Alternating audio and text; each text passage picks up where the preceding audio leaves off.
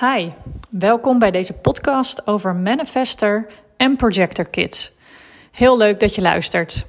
Ik ben Virginia van Dijk, Human Design Coach en ik neem je graag mee in de wondere wereld van Human Design. Ik werk namelijk dagelijks met vrouwen en gezinnen om ze inzicht te geven in wie zij van nature zijn en hoe ze meer volgens hun eigen natuur of design kunnen leven. Maar vandaag specifiek een podcast voor alle moeders, maar uiteraard ook vaders, opa's en oma's en anderen van Manifester en Projector Kids.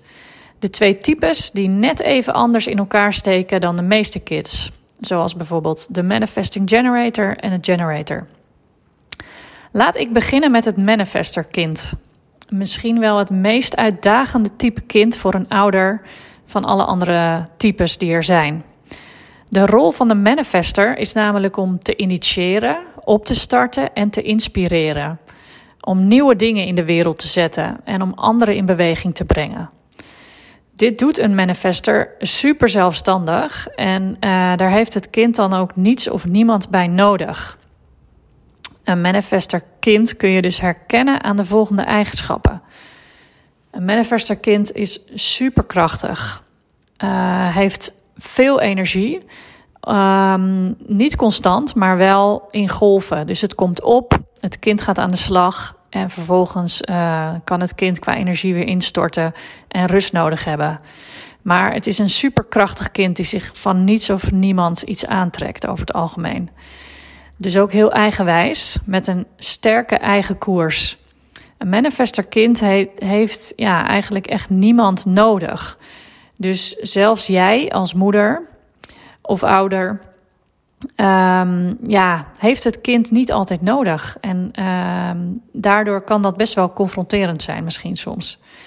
Een manifester kind heeft ook veel ideeën. Um, allerlei ideeën, plannen uh, om te gaan doen, om op te starten. Uh, en inspireert daar ook andere kinderen mee. Uh, is een echte starter. Een manifester is iemand met heel veel opstartenergie. Dus uh, er komt iets opborrelen vanuit dat kleine lijfje. Een nieuw leuk plan, een spannend plan. En uh, de manifester is uh, al verdwenen en aan de slag. Die is al aan het bouwen, aan het doen, aan het knutselen. Die is al bezig. Um, zoals ik zei, komt de energie van de manifester in golven. Dus um, er borrelt iets op. De energie pompt omhoog, uh, pompt op. En er zit super veel energie uh, in die opstartfase. Maar een manifester heeft geen constante bron aan werkenergie. En uh, daardoor um, ja, kan het op een gegeven moment ook weer heel veel heel erg instorten. Of kun je merken dat je kindje juist heel veel rust nodig heeft, moe is. Um, en zou willen slapen. Maar een manifester kind herkent dat ook weer niet altijd aan zichzelf. Uh, bij zichzelf. Dus die wil het liefste maar door blijven gaan. Um, ook al heeft het misschien niet de energie en begint het gewoon aan een volgende, aan een volgende sprint. Uh, en is het rustmoment eigenlijk uh, stiekem voorbij uh, gegleden. Maar weet in ieder geval dat die energie dus niet constant is en dat het kindje dus veel rust en slaap nodig heeft. Een manifesterkind, um, ja, omdat het zo zelfstandig is, uh, zoekt het ook alle grenzen op. Het wil echt graag ontdekken, uh, zien wat er allemaal mogelijk is. Gewoon doen, uitproberen. Um, en gaat dus ook vaak, zoekt ook jouw grenzen op. Wat, wat, um, wat kan het allemaal doen? Wanneer word jij boos? Uh, wanneer is het genoeg? Het gaat net zo lang door totdat uh, die grens is bereikt. Um, en als het dan niet zo gaat zoals het uh, kind wil, dan is de emotie die daarbij hoort boosheid. Boosheid is heel sterk, een sterke emotie bij de manifester. En die komt voornamelijk op als het kind um, ja, tegen wordt gehouden of tegen wordt gewerkt. Als het niet verder kan met ja, de eigen gang gaan. Um, dus dit, dit zijn eigenlijk wat eigenschappen waar je het manifester kind aan kan herkennen. Maar de vraag is natuurlijk, uh, wat zijn nu tips voor jou als uh, moeder? van een manifester kind. Want dit kind uh, ja, komt echt wel met een gebruiksaanwijzing op deze wereld. Nou, de eerste tip die ik je zou willen geven is: um, besef dat je kind echt een zeldzaam exemplaar is. 8% van de kinderen is een manifester kind. en daarmee um, ja, lijkt het dus in, op, in heel veel, op heel veel vlakken niet op het gemiddelde kind. Um, omdat je kind zo graag de eigen gang wil gaan, super zelfstandig is en niets of niemand nodig heeft, zou ik je willen adviseren om je kind wel heel veel bewegingsruimte te geven. Uh, zodat het ook die gang kan gaan, maar wel uh, zolang het veilig is en um, ja, zolang het kind niet zichzelf kan bezeren, pijn doen of um, ja, dat het gevaarlijk kan worden. Maar geef het kind wel zoveel mogelijk bewegingsruimte als veilig. Um, de neiging die je misschien hebt als moeder of vader van een manifester kind is, ja, omdat het zo uh, grenzeloos is en zo erg ja, zich niks aantrekt van, van jou of uh, van anderen, wil je kind waarschijnlijk uh, in bedwang proberen te houden of probeer je het te beheersen of te controleren. Maar dat is ja, dat, dat is nou net niet zo handig bij een, een manifesterkind. Dus ga het niet in bedwang houden door extreem te straffen of extreem te controleren. Want daarmee druk je eigenlijk um, de natuur van het manifesterkind de kop in. En um, dat werkt alleen maar averechts. Dus doordat je dat gaat doen, zal het kind uh, of super rebels gaan worden en wordt het alleen maar erger. Uh, en bereik je niet je doel. Of het kind wordt heel passief en raakt daardoor zijn eigen zelfstandigheid en krachtigheid kwijt. En dat is niet wat je wil veroorzaken, vooral niet voor de rest van het leven van het manifesterkind, omdat dat echt een type is wat hier is gekomen om nieuwe dingen in de wereld te zetten en dat op zijn of haar eigen manier te doen. Dus um, ja, ook al heb je misschien de neiging, um, probeer echt dat extreem straffen of extreem te controleren te voorkomen uh, bij jezelf. Um, nou, wat wel kan helpen is om je kind al van jongs af aan te leren om aan te geven en jou te informeren over de plannen die het kind heeft. Dus uh, dat je zegt van nou, goh, je mag van mij heel veel, maar vertel me wel van tevoren wat je van plan bent. Uh, dus bijvoorbeeld, ik ga nu naar boven, want ik ga op mijn kamer spelen. Of ik ga naar buiten, uh, ik trek mijn schoenen aan, want ik ga uh, een sneeuwpop bouwen. Nou ja, in ieder geval, dat soort informatie helpt jou om je kind beter te begrijpen en helpt je kind om meer bewegingsvrijheid te krijgen. Dus als je dat van jongs af aan al met je kind kan overleggen en ervoor kan zorgen dat dat um, nou, de standaard of de norm wordt, dan um, wordt het voor jullie allemaal makkelijker. Dus dat informeren, dat klinkt misschien een beetje simpel, maar dat is echt het toverwoord voor de manifester voor de rest van zijn of haar leven. Het informeren van anderen. Um, de volgende tip is: breng je kind op tijd naar bed. Ook al wil het niet slapen. Um, je manifester kind heeft namelijk veel rust nodig en veel slaap. Ook al wil het kind vanuit uh, zichzelf uh, doorgaan en doorgaan en doorgaan. En wil het lekker bezig blijven en prikkels blijven opzoeken.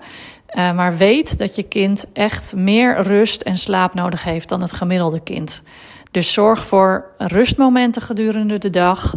En, um, en dat het gewoon echt lang genoeg slaapt. Dat waren de tips voor het manifesterkind. Dan nu het projectorkind. En ook dit kind uh, heeft net even wat andere dingen nodig dan de meeste andere kinderen.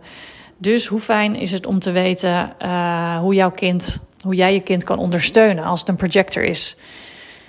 Um, de rol van de projector is namelijk anderen begeleiden. En hiervoor worden ze uitgenodigd door die ander vanwege hun talenten en vaardigheden. Um, en zo geldt dat ook voor de projector kinderen.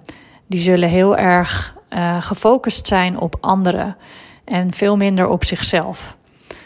Uh, een projectorkind kun je herkennen aan de volgende eigenschappen. Uh, het zijn vaak kinderen die enorm observerend zijn.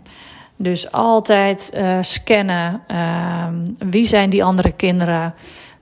Um, wat voor vlees heb ik in de kuip? Hoe zijn ze? Hoe doen ze? wat hebben ze aan? Um, nou, ze weten echt exact. Um, ja, ze weten jou exact te vertellen uh, wie die andere kinderen zijn. Um, en door dat observeren uh, zijn ze ook heel erg wijs. Nou, niet, niet eens misschien door het observeren, maar projectors zijn gewoon wijze kinderen. Die snappen heel veel dingen. Die zijn vaak verder vooruit dan andere kinderen.